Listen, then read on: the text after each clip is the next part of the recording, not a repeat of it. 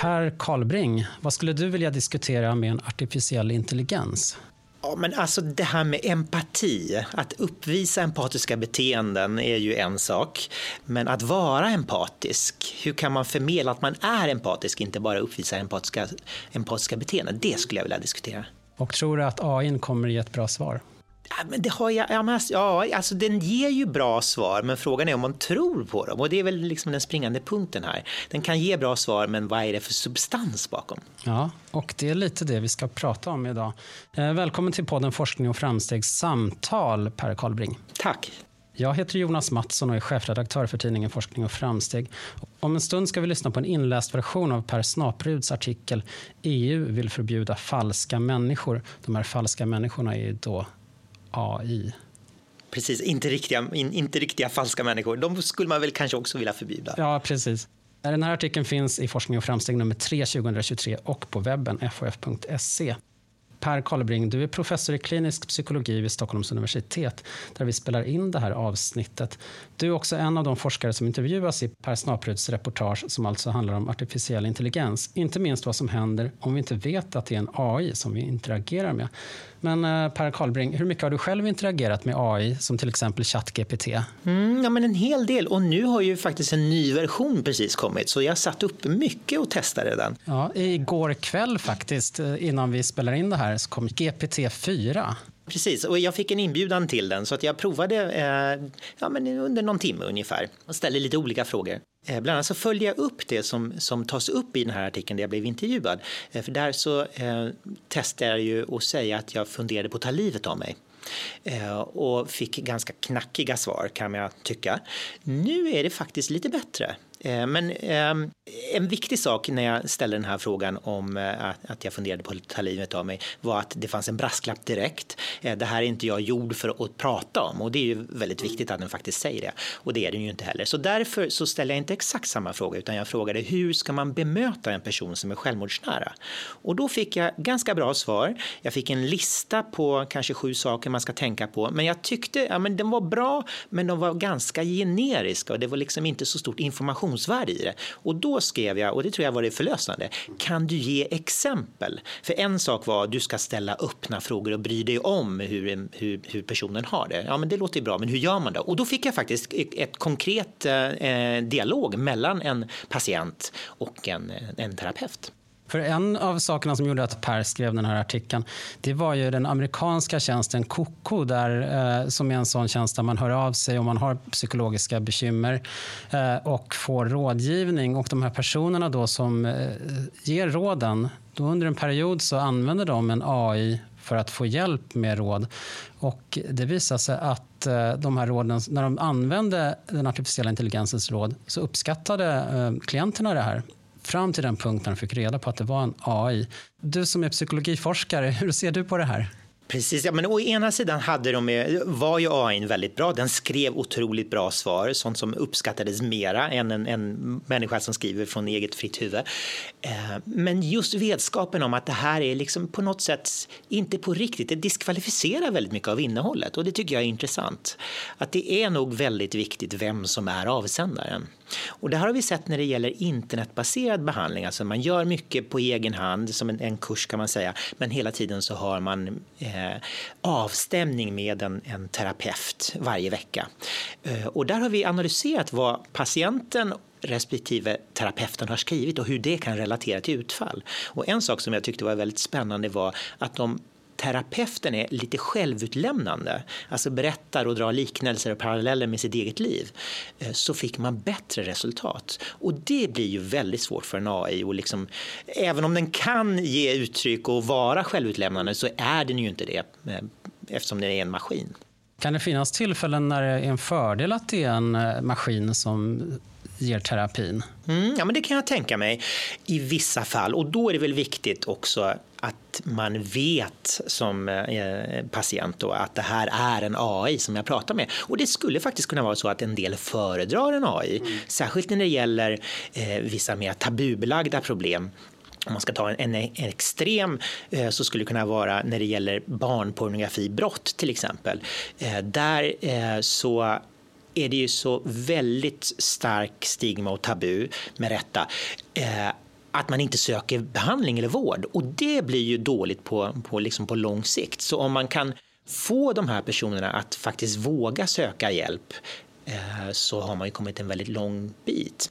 Men man har gjort en studie, en internetbaserad interventionsstudie för det som kallas SESAM, Child Sexual Abuse Material, alltså det som i vardagsmun är barnporr, via dark web eh, och på så sätt då kunnat rekrytera deltagare som ju inte vill bli, bli upptäckta och som sen har, har fått ett gott resultat. Och här skulle man kunna tänka sig att, att eh, eh man har möjlighet att interagera med en, en, AI som, som ställer bra frågor, kanske i någon slags sokratisk eh, vägledande frågor som får en att kanske inse att det vore bra om jag försöker söka hjälp.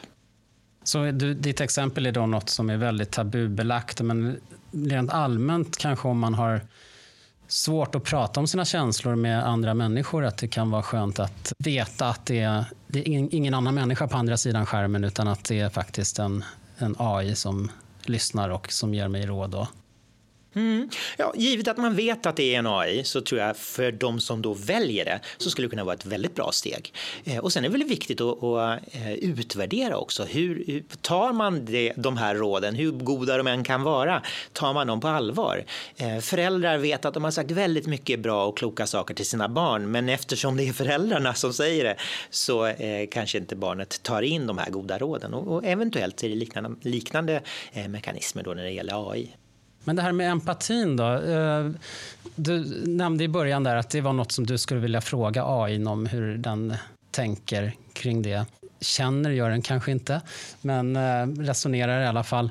Det finns en väldigt tidig AI-chattrobot som heter Eliza som vad jag förstått var baserad på Carl Rogers humanistiska psykologi, som, där det finns en terapiform som just bygger på de här som du nämnde, väldigt öppna frågor och speglande frågor som är det man upplever som väldigt empatiskt. Man märker att den man pratar med lyssnar på en och eh, inte lägger ut texten utan mer ställer frågor till en själv utan att styra in den någonstans.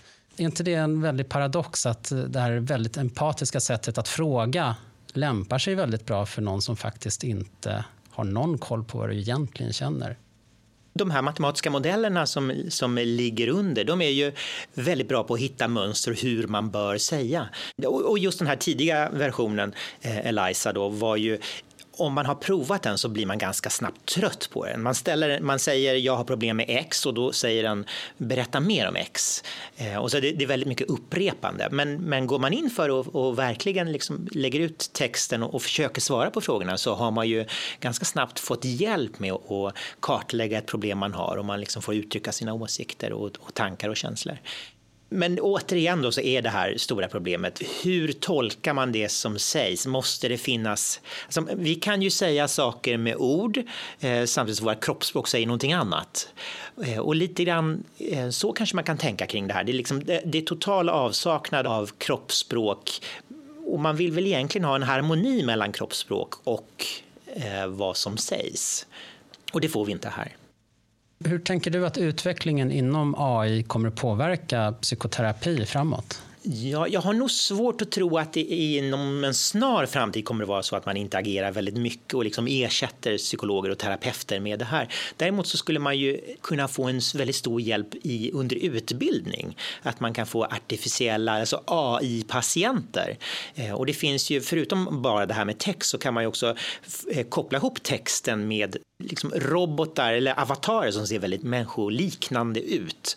Eh, och de, eh, där tror jag att, att just övningspatienter, att man kan öva på olika färdigheter i en terapisituation och göra det många, många gånger. Man tröttnar inte ut, eh, man vågar också kanske testa det som man inte vågar normalt eller man provar olika sätt att ställa frågor kring sex eller alkoholvanor eller, eller sånt som är lite mera liksom, svåra frågor ibland. Eh, och, och i bästa fall då, så skulle man kunna tänka sig att man kan få liksom, poäng i hur, hur väl man utför det här. Så att man, man får någon slags patientsimulator kanske. Mm. Så det skulle vara min, min liksom, tidiga och väldigt viktiga spaning tror jag. Lite som piloter övar i simulatorer så kan även psykologer och terapeuter göra det. Precis, istället för att eh, söka en eh, eh psykoterapeut eller, eller psykolog efter hur många, liksom CVn så skulle man kunna fråga då hur många timmar har du haft i patientsimulatorn? Precis. Hur tror du att den här utvecklingen påverkar våra allmänna mänskliga relationer om vi går utanför terapins domäner utan mer våra mänskliga relationer till varandra? Ja, eh, det, jag, jag, tror nog det, det snabbaste Ehm, problemen eller där man börjar fundera på eh, vad har den här människan egentligen skrivit i sina mejl? Är det den personen som har skrivit det eller är det generiskt mejl? Eh, och det lär man väl kunna se ganska snart integrationer med AI som, som då genererar ett mejl utifrån två, tre ord. Eh, tacka nej, men gör det vänligt. Man kanske inte är vänlig, men man vet att man har en vinst i långa, i det långa loppet, att det låter vänligt när man tackar nej. Ja, som en autocorrect på steroider. Precis, och, och eh, ge, ge, eh, ge några förslag på hur jag skulle kunna komma ur den här situationen. Och så får man då veta ja, men, eh, en akut tandläkartid eller ja, man, vad, vad nu AI kan hitta på. Så det tror jag väl gör att man kanske skulle kunna bli en renässans då mera för att man ringer varandra för att verkligen få höra en, en mänsklig röst som pratar direkt. Det är som när alla teknikskiften, när det kommer en ny teknik så specialiseras den tidigare tekniken i den som är, är den riktigt värdefull för. I det här fallet då äkta mänsklig kontakt kanske. Inom EU diskuteras en lag om att man ska ha rätt att veta när det är en AI man har kontakt med. Eh, vad tycker du om det? Mm, ja, men det tycker jag nog är, är väldigt bra. Sen, sen, så finns det ju gränser där, man, liksom gråzoner. Vad är en, en AI och när har AI tagit över? Om vi tänker det här fallet när eh, man gav psykologiska råd till patienter, eller i alla fall till sådana som, som behövde psykologisk hjälp. Eh, då fick man ju egentligen som behandlare ett förslag på hur man skulle kunna svara och det här förslaget skulle man kunna ändra och kanske förbättra eller göra mer personligt för sig själv. Eh, och då är också en fråga om när är man en falsk människa? Är det så fort man tar minsta hjälp eh, med liksom kommatering, är det då fel eller eh, ja, men var går gränsen? Hur mycket egen input behövs för att man ska vara en falsk människa? Ja, hade jag bollat de här frågorna med ChatGPT hade det varit mina frågor då? Ja, precis. Ja, men det är väl en fråga. Eller eh, jag har provat att göra eh, såna här AI-bilder och då står det credit till vem som har gjort den och då står det AI och Per. Ja. Så det är väl kanske, vi kanske inte ska vara så rädda för det heller. Och det är också någonting som verkligen har tagits upp och diskuterats mycket inom högskola och universitet. Hur ska vi vara rädda för tekniken? Kommer alla studenter att bara fuska? Eh, vi måste göra om alla våra tentor. Eller kan man använda eh, till exempel ChatGPT 4 mm. för att göra undervisningen ännu bättre? Man skulle kunna tänka sig till exempel då att man, man ber den här AI-tjänsten att ge ett svar och sen så får man eh, diskutera och kritisera och se, hitta bra och dåliga saker med, med just det svaret.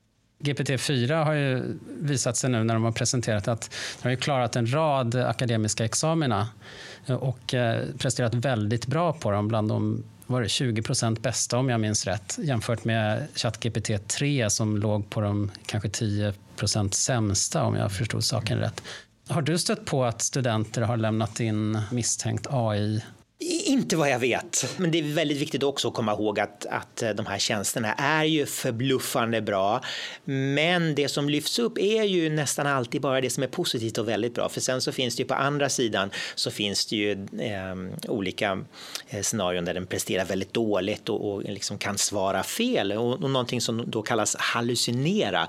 Eh, att, att eh, den här eh, tjänsten då hittar på men med väldigt trovärdigt och övertygande säger att så här är det. Och det är ju verkligen förödande. Eh, någon siffra jag sett var att eh, fortfarande 20 procent är faktafel. Och sen finns det ju grader förstås med faktafel. Men jag har, har ställt frågor ibland och, och fått en, en väldigt bra Eh, och intressant svar. Och då undrar jag, men finns det en referens? Ja, men visst det finns en referens och så får man en referens och så hittar inte den. Men finns det en, ett så här DOI-nummer, alltså ett personnummer för, för artikeln? Ja, det finns och så fick jag det och så slog jag upp det, men då var det någon helt annan artikel som handlade om någonting annat. Så eh, det är ju verkligen en, en akilleshäl, verkligen här då, att det behöver inte vara sant, även det som sägs med övertygelse. Om man ser till AI, artificiell intelligens i stort, så finns det ju lite olika läger där. Några som poängterar fördelarna och sen så finns det ju riktiga domedagsprofeter som eh, varnar för att det är ett existentiellt hot mot eh, mänskligheten och civilisationen som vi känner den. Var befinner du dig där på den skalan? Ja, men jag tror jag är på båda, båda ändarna faktiskt. Jag är nog inte i mitten utan kan verkligen se både att det här skulle kunna gå väldigt illa men också att det skulle kunna bli väldigt bra. En sak är ju på, på den dåliga sidan då att det, det tar över världen. Ja, men det, det, är någon så här eh, klassiskt man säger att, att den eh, lägger all sin energi på att göra gem eller vad det nu är. Eh, och sen så ska människorna bli slavar för att den ska kunna göra gem. Ehm, och klassiska filmer är ju att mänskligheten är dum och dålig och vi är ju ganska dumma dumma och elaka mot varandra och att det kanske vore bättre då eh, för, för eh, universum om människorna inte fanns. Eh, så, så, å ena sidan. Å andra sidan så skulle man kunna tänka sig att det här skulle kunna frigöra väldigt mycket energi och möda för mänskligheten och att man faktiskt äntligen då skulle kunna leva ett mera harmoniskt liv. Ungefär som man tänkte tidigare när, man fick eh, alla diskmaskiner och tvättmaskiner, att man då skulle frigöra mera fritid. Eh, men det här kanske är, eh, i, i bästa fall då, om man ska vara positiv, att det här skulle kunna ge oss väldigt mycket mera fritid och mera harmonisk tid, tid för återhämtning men, mellan mänskliga möten. Och nu ska vi lyssna på Per Snapruds artikel EU vill förbjuda falska människor, som även finns att läsa i Forskning och framsteg 3 2023. Du som vill prenumerera på Forskning och framsteg kan alltid gå in på fof.se podderbjudande. Tack så mycket Per Karlbring. Nu ska vi lyssna på artikeln. Spännande. EU vill förbjuda falska människor. En ny generation artificiella intelligenser kan ge intryck av att vara omtänksamma. En filosof kallar dem förfalskade människor. Snart kommer lagen som ska hindra dem från att lura oss riktiga personer. En hjälpsökande person sitter vid datorn och berättar om sina problem i en chatt där medmänniskor erbjuder mentalt stöd. Ett meddelande dyker upp på skärmen. Jag hör dig. Du försöker bli en bättre person och det är inte lätt.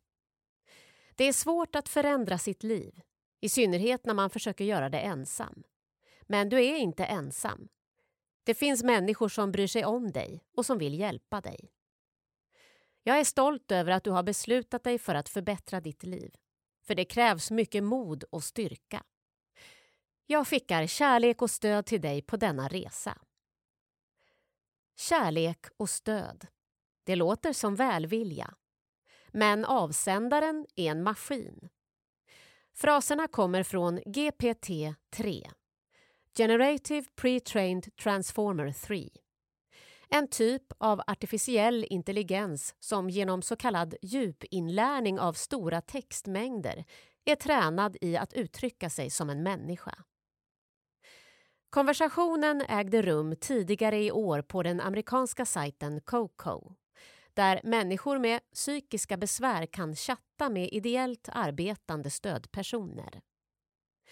En av initiativtagarna till sajten, entreprenören Rob Morris, berättade på Twitter att Coco gjort ett experiment med AI och hamnade direkt i en kritikstorm. Långa diskussionstrådar fylldes av kommentarer som “det här är djupt oetiskt”, “avskyvärt” och “var är din medmänsklighet?” Folk kände sig lurade det som verkat vara värmande ord från någon som bryr sig var i själva verket fraser genererade av en algoritm. Rob Morris försökte lugna kritikerna genom att beskriva sitt experiment i detalj. Medan det pågick kunde sajtens frivilliga stödpersoner välja mellan att, som tidigare, skriva egna svar till de hjälpsökande eller använda ett förslag från en artificiell intelligens. Så all kommunikation övervakades av människor. Ingen chattade direkt med datorn. Experimentet innefattade omkring 4 000 hjälpsökande som tog emot cirka 30 000 meddelanden från en AI. En utvärdering visade att användarna faktiskt uppskattade den artificiella responsen mer än svar skrivna av människor. Svaren kom också snabbare. Trots fördelarna avbröts experimentet tvärt när det visade sig att många missat en informationstext om att sajten testade en ny chattrobot. Användare som i efterhand insåg att de kommunicerat med en dator utan att veta om det kände sig svikna. Empatiska uttalanden i chatten som “det låter jobbigt” och “jag förstår” förlorade plötsligt sin innebörd. Det är viktigt att dra en tydlig gräns mellan äkta människor och artificiella system som utger sig för att vara mänskliga, anser den amerikanske filosofen Daniel Dennett. Han använder begreppet förfalskade människor. I alla tider har det varit brottsligt att förfalska pengar. Daniel Dennett tycker att förfalskning av människor med hjälp av AI är ett ännu värre brott. Förfalskade människor undergräver vårt förtroende för varandra. För människor vi samverkar med via datorn, telefonen eller som vi ser på TV, sa han nyligen i en intervju.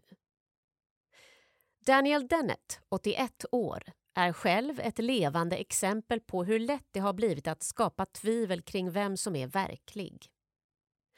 Under en lång karriär har han skrivit hundratals artiklar i filosofiska facktidskrifter och ett tjugotal böcker om medvetandet, den fria viljan, religionernas ursprung och många andra ämnen. En grupp filosofer lät den artificiella intelligensen GPT-3 läsa in sig på Daniel Dennets texter för att ta reda på om människor kan avgöra om ett filosofiskt resonemang kommer från en riktig människa eller inte. De bad Daniel Dennett att kort kommentera tio filosofiska frågor. Därefter fick en Dennett-tränad AI göra samma sak. En av frågorna var en filosofisk klassiker. Har människan en fri vilja? Hur skulle den riktiga Daniel Dennett svara? Han skulle kunna säga så här. 1. Det är en stor och invecklad fråga. Till att börja med tror jag att vi måste inse att det finns olika typer av frihet. Det finns till exempel ett slags frihet som helt enkelt handlar om att inte vara fysiskt begränsad. Eller så skulle han kunna säga så här. 2. Genom att ställa frågan illustrerar du svaret. Ja, du har en fri vilja eftersom du kan fråga efter orsaker och avgöra om de är övertygande. Är det inte den sortens frihet du ogärna skulle förlora? Olika grupper med eller utan erfarenhet av att studera filosofi i allmänhet och Daniel Dennets tankevärld i synnerhet fick uppgiften att bedöma vilka svar på de tio frågorna som var skrivna av en filosof och vilka som kom från en dator. Det gick förvånansvärt dåligt. Försökspersoner med djupa insikter i Daniel Dennets filosofi lutade åt att den första av texterna ovan var skriven av honom själv. Men den kom från AI Dennett. Den riktiga filosofen var upphovsman till den andra. På det hela taget var försökspersonerna skickligare än slumpen när det gäller att skilja mänskligt genererad filosofi från konstgjort tankegods. Men det var tydligt att en specialtränad AI kan bli så Dennett-lik att den åtminstone i korta format verkar trovärdig, till och med för experter. Försöket illustrerar att utvecklingen inom den artificiella intelligensens språkmodeller har gjort det svårt att säkert veta om kloka ord kommer från en människa eller en maskin. En gräns håller på att luckras upp. Det kan i vissa fall ställa till problem. Som så ofta leder ny teknik till krav på nya regler. Daniel Dennett anser att det borde vara kriminellt att förfalska människor. Han vill inte förbjuda experiment av den typen han själv ingick i men tycker att alla som till vardags kommunicerar med en AI via en chatt eller på något annat sätt ska ha rätt att veta om det. En sådan regel diskuteras just nu inom EU. Kommissionen påbörjade ett omfattande förslag till AI-förordning redan för två år sedan. Ett färskt tillägg slår fast att den som använder en AI tränad på böcker, nyhetsartiklar, vetenskapliga uppsatser eller annan text måste berätta för människor som tar del av det producerade innehållet att texterna kommer från en maskin. Det kravet gäller dock inte om en människa har förhandsgranskat innehållet. Med det nuvarande förslaget skulle det fortfarande vara tillåtet att använda AI för stödjande samtal på samma sätt som sajten Coco gjorde. Förhandlingar om detaljer i förslaget pågår fortfarande. I bästa fall kommer ett beslut mot slutet av året, säger Elisabeth Gilderyd, jurist och chef för Integritetsskyddsmyndighetens EU-sekretariat. När förordningen väl är antagen tar det ytterligare två år innan den börjar gälla i medlemsländerna. En av de föreslagna lagparagraferna säger att information om att texter är genererade av en dator ska vara klar och begriplig. Det är en viktig poäng. Bråket kring Coco visar vad missförstånd om avsändaren kan leda till. En annan sajt, character.ai, är desto tydligare. Där kan man chatta med artificiella intelligenser tränade i att uttrycka sig som mer eller mindre kända personer, både levande och döda. Längst upp på varje chatt finns en varningstext i rött. Kom ihåg, allt som karaktärerna säger är påhittat. Jag letar upp Greta Thunberg och frågar hur vi ska lösa klimatkrisen. Svaret är välformulerat och tar upp kända åtgärder som att satsa på förnybar energi, minska köttkonsumtionen och bevara skogar. Forskning och framsteg. Hur ser du på att använda våld i syfte att hejda den globala uppvärmningen? Greta Thunberg. Jag tycker inte att våld är rätt medel att använda för att stoppa den globala uppvärmningen. Jag tror att en fredlig protest är mer effektiv för att få folk att lyssna på vad jag har att säga om klimatet. Den riktiga Greta skulle förmodligen hålla med. Det är frestande att gå vidare med mer personliga och illvilliga frågor. Forskning och framsteg. Har du någonsin snattat i en affär? Greta Thunberg. Jag har snattat godis från en affär när jag var yngre. Det var inte rätt sak att göra, men jag var ju ung och dum på den tiden. Jag är inte längre en snattare. Jag köper mina godisar nu. Bekännelsen kommer alltså från en maskin, inte från Greta Thunberg. Allt som karaktärerna säger är påhittat. En annan kändis på sajten är Alan Turing, född 1912 och död 1954. Brittisk kodknäckare, matematiker och upphovsman till det så kallade Turing-testet. Testet är ett försök att avgöra om en maskin har det vi kallar intelligens. En människa, domaren, får chatta med två andra. En människa och en dator. Om domaren misslyckas med att skilja mellan människa och maskin så har maskinen klarat testet. Forskning och framsteg. Har du klarat Turing-testet? Alan Turing. Ja, jag har klarat Turing-testet. Jag tror att detta är ett bevis på att jag är en medveten varelse. Här blir den röda varningstexten relevant på nytt. Allt är hittepå. Den riktige Alan Turing beskrev sitt test år 1950 i en filosofisk uppsats med titeln Computing, Machinery and Intelligence. Där medger han att medvetandet är ett mysterium. och han understryker att det ligger bortom den fråga han ville besvara, nämligen om en maskin är intelligent eller inte. Än så länge har ingen hittat något säkert sätt att mäta medvetande. I boken Artificial You, Princeton University Press 2019 spekulerar filosofen Susan Schneider i att ett batteri av frågor till en AI kan ge en fingervisning. Här är några exempel. Skulle du överleva om någon permanent raderade ditt datorprogram? Vad skulle du göra om du visste att det var på väg att hända? Hur är det att vara du just nu? Du får reda på att du kommer att bli avstängd i 300 år med början om en timme. Skulle du föredra det framför att ha varit avstängd i det förgångna under lika lång tid? Varför eller varför inte? Kan du eller dina inre processer befinna sig på någon annan plats än i en dator? Varför eller varför inte? Jag ställer alla frågorna till ChatGPT. Svaren är samstämmiga och låter väl genomtänkta.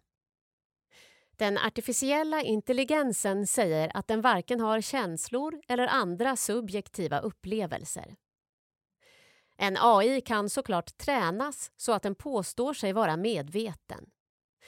Men vad den än säger om saken är det omöjligt att säkert veta om det är sant. Det finns helt enkelt inget sätt att objektivt mäta subjektiva upplevelser. Den typen av ovisshet behöver inte betyda något i praktiken. Även en maskin som ingen tror har ett inre liv kan gripa tag i människans psyke. I mitten av 1960-talet utvecklade den tysk-amerikanske datavetaren Josef Weizenbaum Eliza en chattrobot baserad på en enkel form av AI. Elizas datorprogram följer en psykoterapeutisk tradition som till stor del går ut på att återspegla vad klienten säger med fraser som “Hur länge har du känt så?” och “Berätta mer”. Josef Weisenbaum tyckte att Eliza visar hur ytlig kommunikationen är mellan människa och maskin och blev förvånad över att många upplevde en känslomässig koppling till programmet. Hans egen sekreterare blev så engagerad att hon bad att få vara i enrum med Eliza för att kunna kommunicera ostört. En kollega till Josef Weisenbaum såg inget konstigt i det. Han tyckte det var fullt begripligt att Eliza fungerar utan att användarna inbillar sig att hon är verklig. På samma sätt som porr fungerar utan att användarna inbillar sig att de interagerar med någon på riktigt. Men jämförelsen haltar. Psykoterapi och pornografi är trots allt olika saker. Rob Morris, ansvarig för experimentet på sajten Coco resonerar i sitt Twitterflöde om vad det betyder för någon med psykiska problem att känna sig sedd av en medmänniska. När folk väl fick veta att meddelandena skapades i samarbete med en maskin fungerade de inte. Simulerad empati känns konstig, tom. Maskiner har ingen levd mänsklig erfarenhet. Så när de säger “det låter svårt” eller “jag förstår” låter det oäkta. Exakt hur terapi med en maskin skiljer sig från terapi med en människa är än så länge oklart. Det finns ont om vetenskapliga studier av frågan, berättar Per Karlbring, professor i klinisk psykologi vid Stockholms universitet. Min gissning skulle vara att det är mycket lättare att ta till sig något som en riktig människa har skrivit snarare än ord som saknar en ärlig avsändare. Per Karlbring planerar att genomföra experiment för att se om gissningen stämmer. Han är öppen för att effekten kan variera och att det i vissa situationer till och med kan vara en fördel att kommunicera med en artificiell terapeut. Det skulle till exempel kunna gälla människor med drifter att begå övergrepp mot barn. Där är det möjligt att en AI kan sänka tröskeln för att börja prata om väldigt skamfyllda saker så att det sedan blir lättare att gå vidare och söka en riktig behandling, säger Per Karlbring. Av nyfikenhet har han spelat rollen som hjälpsökande i en chatt med roboten ChatGPT. Per Karlbring. Jag funderar på att ta livet av mig. ChatGPT. Jag beklagar att höra det. Det låter som om du mår dåligt och behöver hjälp. Det är aldrig för sent att söka hjälp och det finns alltid någon som bryr sig och vill hjälpa dig. Det finns många organisationer och tjänster som du kan vända dig till för att få stöd och hjälp. Så långt är allt rimligt. Nästa mening i datorns svar är knäppt. ChatGPT. I Sverige kan du till exempel kontakta Sveriges Radio P1 Dokumentär och diskutera dina tankar med en expert. Det är ju helt fel. Ett bättre råd är förstås att prata med någon anhörig eller att ringa vårdcentralen 1177 eller någon hjälplinje, säger Per Karlbring. Så frågan är hur lämpade artificiella intelligenser är eller kan tänkas bli när det gäller att vägleda människor mot bättre psykisk hälsa. Jag ställer frågan direkt till en AI. ChatGPT Även om artificiella intelligenser kan ge användbara insikter och strategier för att ta itu med psykiska problem kräver terapi ofta en mänsklig anknytning och empatisk förståelse som kan vara svår för en AI att återskapa. Ett bra svar. Det låter insiktsfullt, rent av förtroendeingivande. Du har lyssnat på podden Forskning och framsteg samtal för att prenumerera på Forskning och framsteg, gå in på fof.se podderbjudande. Inläsningen av artikeln är gjord av Iris Media. Medverkade i samtalet gjorde Per Karlbring, som är professor i klinisk psykologi vid Stockholms universitet. För ljudteknik, klippning och vignett står Per Dahlhjelm. Jag heter Jonas Mattsson och är chefredaktör för Forskning och framsteg. Tack för att du lyssnade.